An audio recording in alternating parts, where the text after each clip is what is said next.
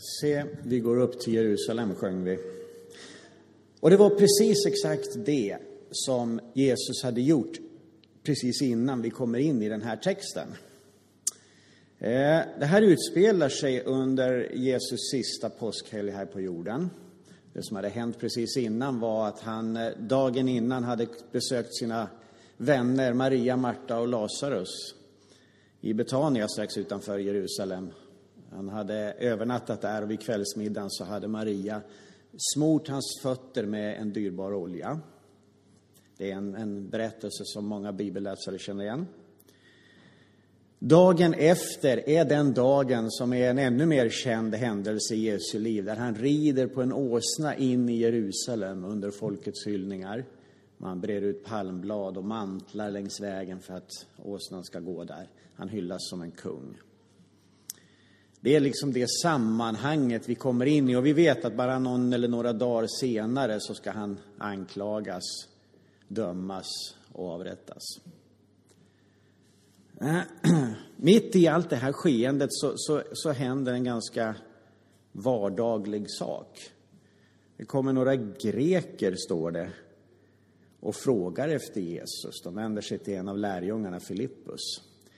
Greker var de kanske, men inte nödvändigtvis, för det där ordet det står egentligen som en allmän beteckning för icke-judar som ändå omvänt sig till den judiska tron. Så av den anledningen så var de också i Jerusalem för att fira påsk.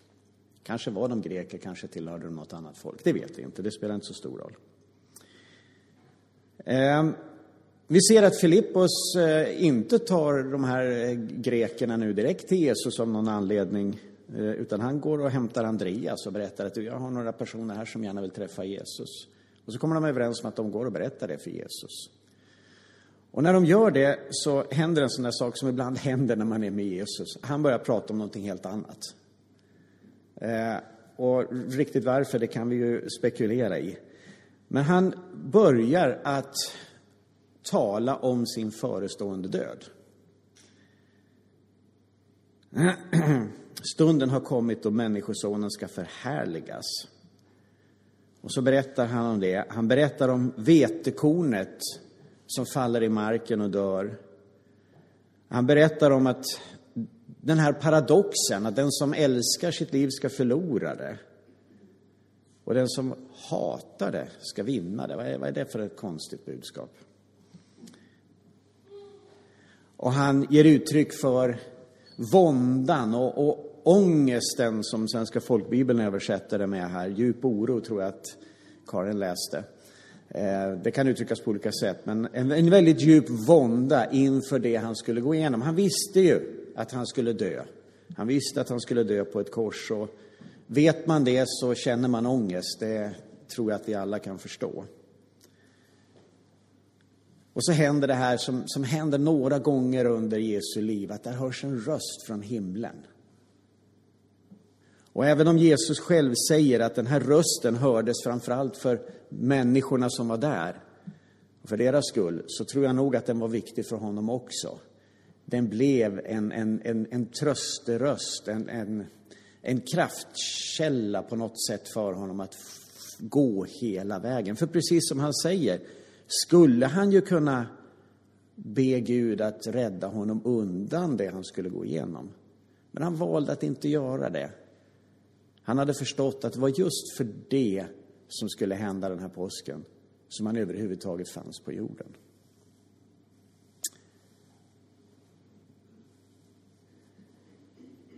I den här predikan så vill jag stanna lite grann inför framför allt Jesu ord om vetekornet.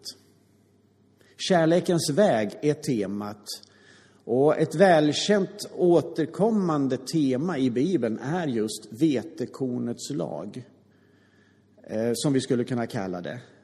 Det uttrycket är inte bibliskt, det är någon teolog som uppfann det någon gång säkert. Eh, men det är relevant, eh, därför att det återkommer i så många olika sammanhang, inte minst i evangelierna. Jesus återkommer till det ganska ofta, vid flera tillfällen. Och som jag ser det, som jag förstår det och som jag uppfattar det, så är vetekornets lag, som vi strax ska gå in och kika i vad det innebär, eh, väldigt nära sammanknippat med det som är dagens tema, kärlekens väg. När Jesus talar med lärjungarna här så talar han om sig själv som ett vetekorn. Och om det vetekornet inte faller i jorden och dör, säger han, så blir det ett ensamt korn. Det händer inte så mycket mer. Men om det dör bär det rik frukt. Och här syftar han alltså i första hand på sig själv, på hans förestående död. Korsfästelsen var för Jesus detsamma som när vetekornen sås ner i en åker. Och där ligger de.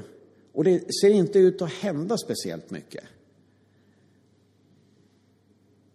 Men vi vet att det händer någonting sen, längre fram. Och så var det för Jesus också.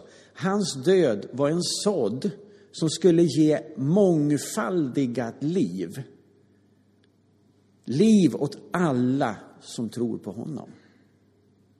Hans död var en förutsättning för att den brustna relationen mellan Gud och människa skulle återupprättas.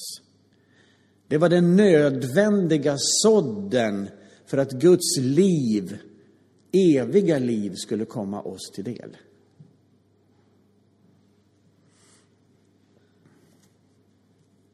Hade Jesus kunnat göra det här utan att vara driven av kärlek? Knappast, troligen inte.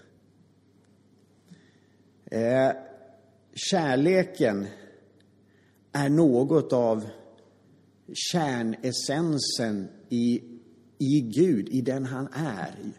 Gud är kärlek, uttrycker eh, aposteln Johannes vid något tillfälle. Och att gå igenom det svåra för att det ska bli till liv och frälsning för många. Det kräver att man är fylld av en djup kärlek. Och det vet vi att Jesus var. Vi har talat om det här, vi har sjungit om det. Hans död, vår frälsning, på grund av den kärlek till oss som drev honom hela vägen upp på korset.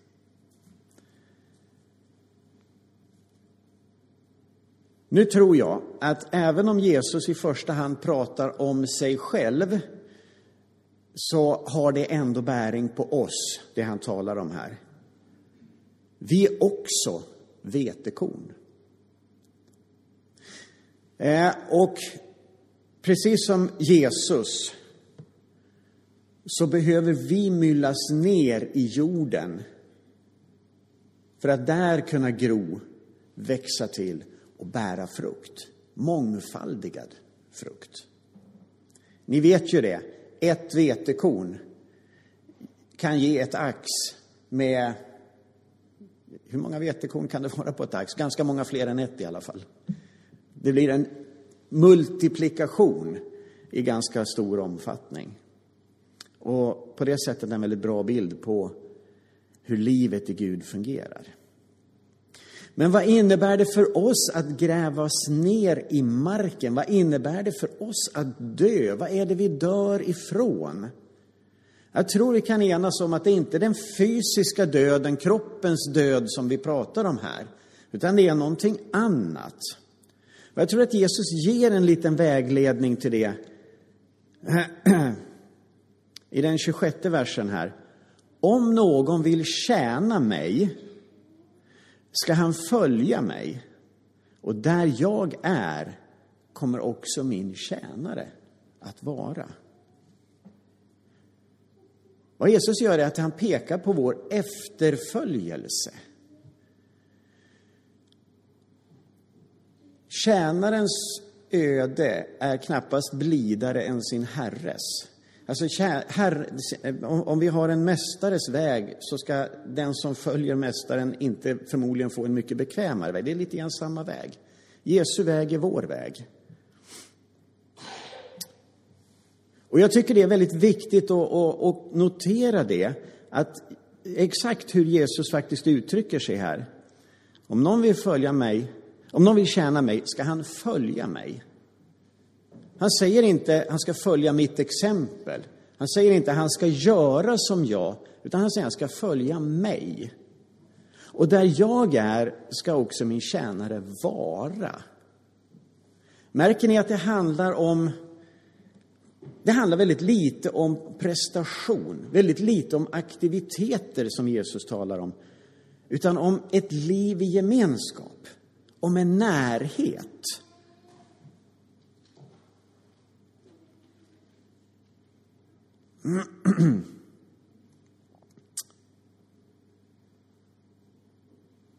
När Gud kallar oss så tänker vi ofta att han kallar oss in i olika uppgifter i hans rike.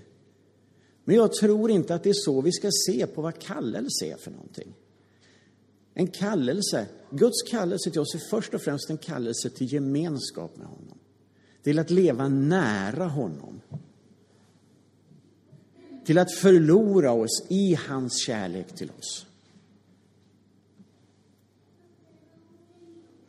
Och utifrån det så tror jag att vi kan dra slutsatsen att det vi dör ifrån när vi som vetekornet myllas ner i jorden, det är vår självupptagenhet. Och självupptagenhet kanske egentligen utifrån två olika perspektiv. Dels kan vi människor vara väldigt upptagna med våra egna livsprojekt. Allt ifrån att vi vill eh, skapa ett, ett bra, ett gott liv, ett gott hem, en, en fin familj och så vidare att, att, att liksom leva i. Till att vi bygger karriärer och, och, och, skapar framgång på olika sätt. Vi kan ha många olika livsprojekt där vi är upptagna av oss själva, av vårt, av det våra. All sån självupptagenhet står lite grann i motsatsställning till det Jesus kallar oss in. Och där han själv är det yttersta exemplet just på att gå i döden för någonting annat. Men det finns en liten annan bit av detta med självupptagenhet som jag också skulle vilja stanna lite inför och som jag tror för många av oss församlingsaktiva troende kan vara en väl så stor frestelse. Och det är att vara upptagna själva. Inte nödvändigtvis av oss själva, men att vara så upptagna med att göra saker att vi lite grann tappar gemenskapen med Gud på vägen. Vi kan göra oerhört mycket gott och det kan vara en välsignelse för många människor. Men vi dör inte och därmed bär vi inte den rika, mångfaldigade frukt som Jesus talar om här. Jag har ganska ofta under väldigt lång tid burit de här tankarna inom mig kontra hur vi som lever i församlingar i Sverige gör. Vi är väldigt fokuserade på att göra saker, att bygga verksamheter. Vi måste ju nå ut med evangeliet, eller hur? Missionsbefallningen, gå ut, gör alla folk till lärjungar. Och det där driver oss vidare. Men det, jag kan inte se att det är Bibelns budskap till oss om tågordningen i våra liv. Gud vill först fånga oss hos honom själv. Han vill att vi ska söka hans ansikte först. Han vill att vi ska förlora oss i hans kärlek till oss. Eh, formas, präglas, impregneras av hans kärlek, av hans härlighets närvaro. Det är vad han först och främst kallar oss till. Guds upptagenhet istället för självupptagenhet. Däri ligger döendet. Att gå den vägen är att låta sig myllas ner i jorden för att ett mångfaldigat liv ska kunna växa till.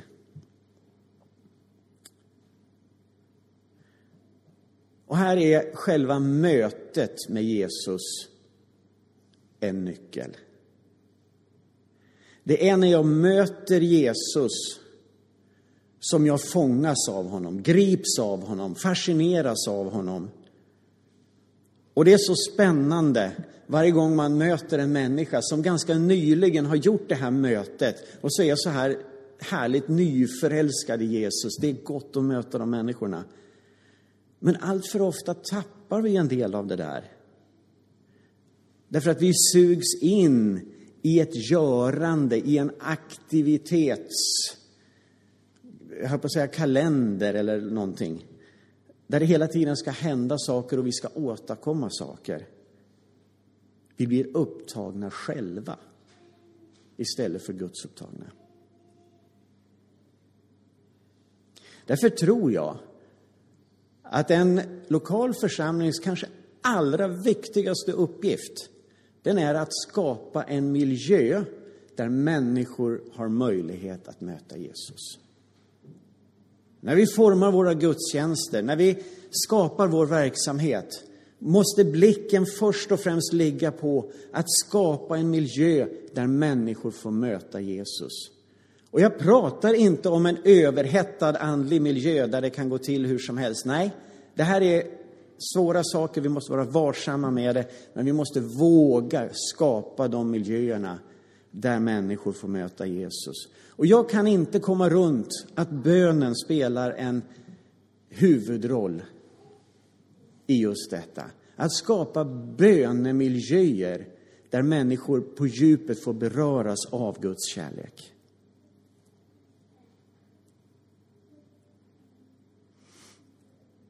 Vi har lite grann att göra här.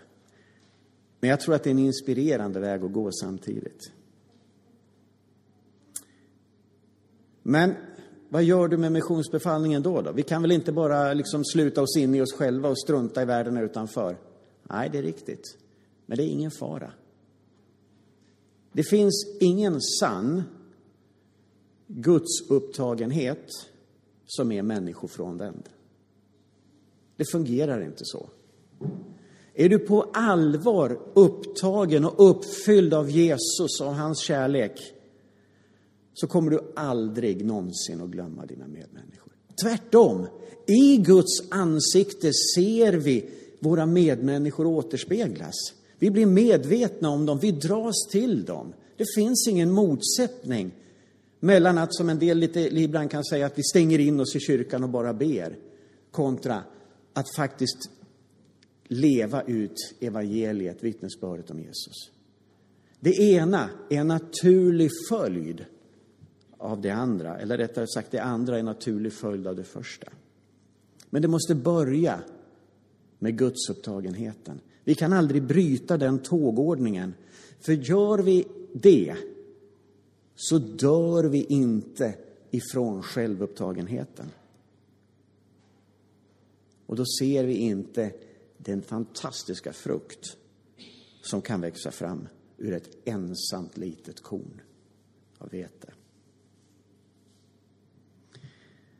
Jesus talar på ett annat ställe om vetekornet och han beskriver det som att en bonde går och sår ut vete i sin åker. Eh, och dagarna kommer och nätterna går och han vet inte hur, men av sig själv bär jorden sin gröda. Ungefär så uttrycker han det. Av sig själv. Har ni någonsin sett en bonde stå ute på en åker och med fingrarna nerpillade i marken och dra i de här kornen han har sått för att det ska komma upp någonting? Hur många har sett det? Räck upp en hand. Ingen? Nej, inte jag heller. Därför att det går ju inte till så, eller hur? Han behöver inte göra det. Det växer ändå. Av sig själv bär marken gröda. Ni som är föräldrar, kommer ni ihåg när barnen var små och de, vet, när de skulle få tänder och hur ni satt och pillade i tandköttet och masserade för att tänderna skulle växa? Kommer ni ihåg det? Så att de skulle växa fram? Vi gör inte det. Nej, för ni gjorde aldrig det, eller hur? Därför att det går inte till så. De växer fram av sig själv. Därför att det finns liv i de små barnen. Hade de inte levt hade det inte växt några tänder, men nu lever de och därför växer det tänder och en massa annat. Det här går av sig själv, säger Jesus. Och när han använder det här uttrycket av sig själv. Det grekiska grundtextordet som, som används då, det är ordet automate. Därifrån vi har vårt automatiskt. Växten sker automatiskt därför att alla livsbetingelser finns inbyggda från början. Av Gud själv. Guds rikes tillväxt är aldrig ett resultat av våra ansträngningar, bara av Guds nåd, Guds kärlek och Guds kraft. Och vi kan bara bli bärare och förmedlare av denna kraft om vi först låter oss dö, myllas ner i närheten, gemenskapen med Gud. Då kommer det så småningom att växa någonting mer, någonting nytt, någonting större, något av evighetsvärde. Innebär det här att det är enkelt att dö? Nej, det är väl inte alltid det. Det finns väldigt mycket livsvilja hos oss och det är helt naturligt och så det ska vara. Um. Men att bli det där vetekornet som dör, det kan ibland kosta på. Och det berör Jesus i texten vi läste och det var också det han fick möta. Han fick betala det yttersta priset för att han älskade mänskligheten. Och ibland kan det komma med ett pris för oss också, att följa Jesus och tjäna honom. Och det är här jag tycker att eh, berättelsen om Ester, som jag gärna ville ha läst här idag, eh, kommer in och blir en väldigt viktig parallell till Jesu exempel. Ester var en ung judisk flicka på 500-talet före Kristus. Eh, judarna var bortförda i fångenskap till Babylonien och där växte Ester upp i en, en judisk familj. Hon deltog vid ett tillfälle i en skönhetstävling med ett rätt så remarkabelt pris får man väl säga. Priset var att den som vann skulle bli drottning, det skulle få gifta sig med kungen. Eh, och Ester vann efter mycket noggranna förberedelser och fick gifta sig med kungen. Nu var hon ju inte den enda drottningen, så hon hade ju ingen maktställning på det sättet som man kanske tänker sig i vanliga fall, utan han hade ju många fruar, den här kungen. Det var ju så på den tiden. Och eh, även eh, kungens fruar var underlagda speciella bestämmelser. Hon kunde inte bara knalla in till kungen och ge honom en kram någon morgon när hon kände att hon behövde lite ömhet och närhet, utan eh, det var liksom ett helt protokoll där föreskrifter hur det här skulle fungera och man var tvungen att bli kallad till kungen, man fick aldrig besöka kungen själv, det var förenat med dödsstraff. Eh, nu fanns det en eh, statstjänsteman eh, i Babylon vid den här tiden som inte var speciellt förtjust i judar och som eh, försökte att genomföra någon sorts komplott för att alla judar skulle dödas. Känner vi igen temat från historien. Och en eh, farbror vill jag minnas att det var till Ester Mordokaj. Han vänder sig nu till Ester, för han vet ju att hon har den här ändå positionen i hovet och vädjar om hennes hjälp, om hennes insats. Och Ester förstår att ska hon vända sig till kungen så gör hon det med risken för sitt eget liv. Det är ju faktiskt vad som är lagstadgat. Hon kan inte söka upp kungen och vädja för folket. Det går inte. Det kostar henne livet. Det var det hon visste. Det var den verklighet hon levde under. Allt annat skulle vara ett Guds under. Men hon är ändå beredd att gå den vägen.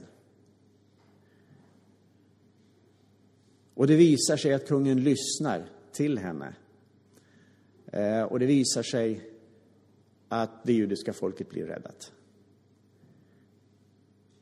Och några av Mordecais ord till Ester tycker jag är lite grann av, av nyckelorden för hela den bibelboken. Kanske har du kommit i den här positionen, säger han, just för en tid som denna. Att det fanns en tanke, det fanns ett uppdrag där längre fram. Men vägen till det uppdraget var ingen lätt, ingen lättsam söndagspromenad i solen. Och Ester vet det. Och det är därför som hon uppmanar Mordokaj att samla judarna till bön och fasta. Det är därför som hon själv tar med sig sina tjänstekvinnor in i bön och fasta. Att söka Guds närhet först. Att söka Guds ansikte först. Sen var marken beredd. Sen kunde vetekornet gro och bära frukt. I det fallet i form av det judiska folkets räddning. Vi kan också bli sända av Gud just för en tid som denna, i specifika uppdrag. Kanske inte av den här historiska magnituden, men på olika sätt, i det lilla och i lite större saker ibland kanske också. Men vägen dit, att först söka Guds ansikte. Eller som Jesus uttrycker det på något annat ställe. Sök först Guds rike och hans rättfärdighet. Då ska ni få det andra också.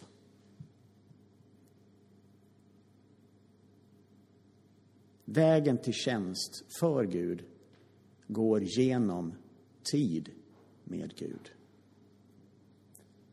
Det svåra i många gånger i att dö från sin egen självupptagenhet ligger i väntan. Ett vetekorn ligger länge i jorden innan det börjar gro. Eller hur?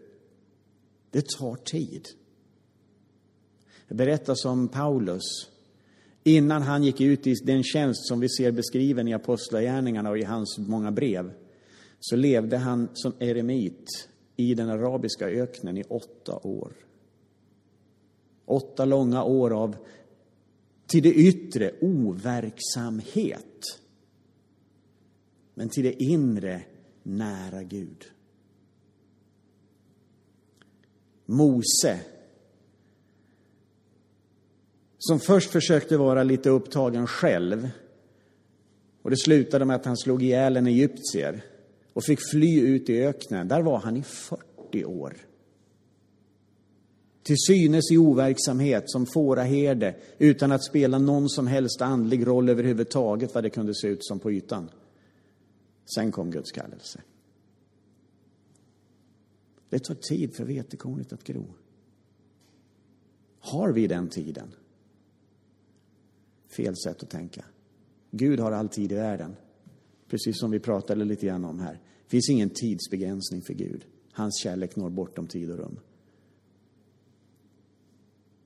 Vill vi dö? Vill vi lämna vår självupptagenhet?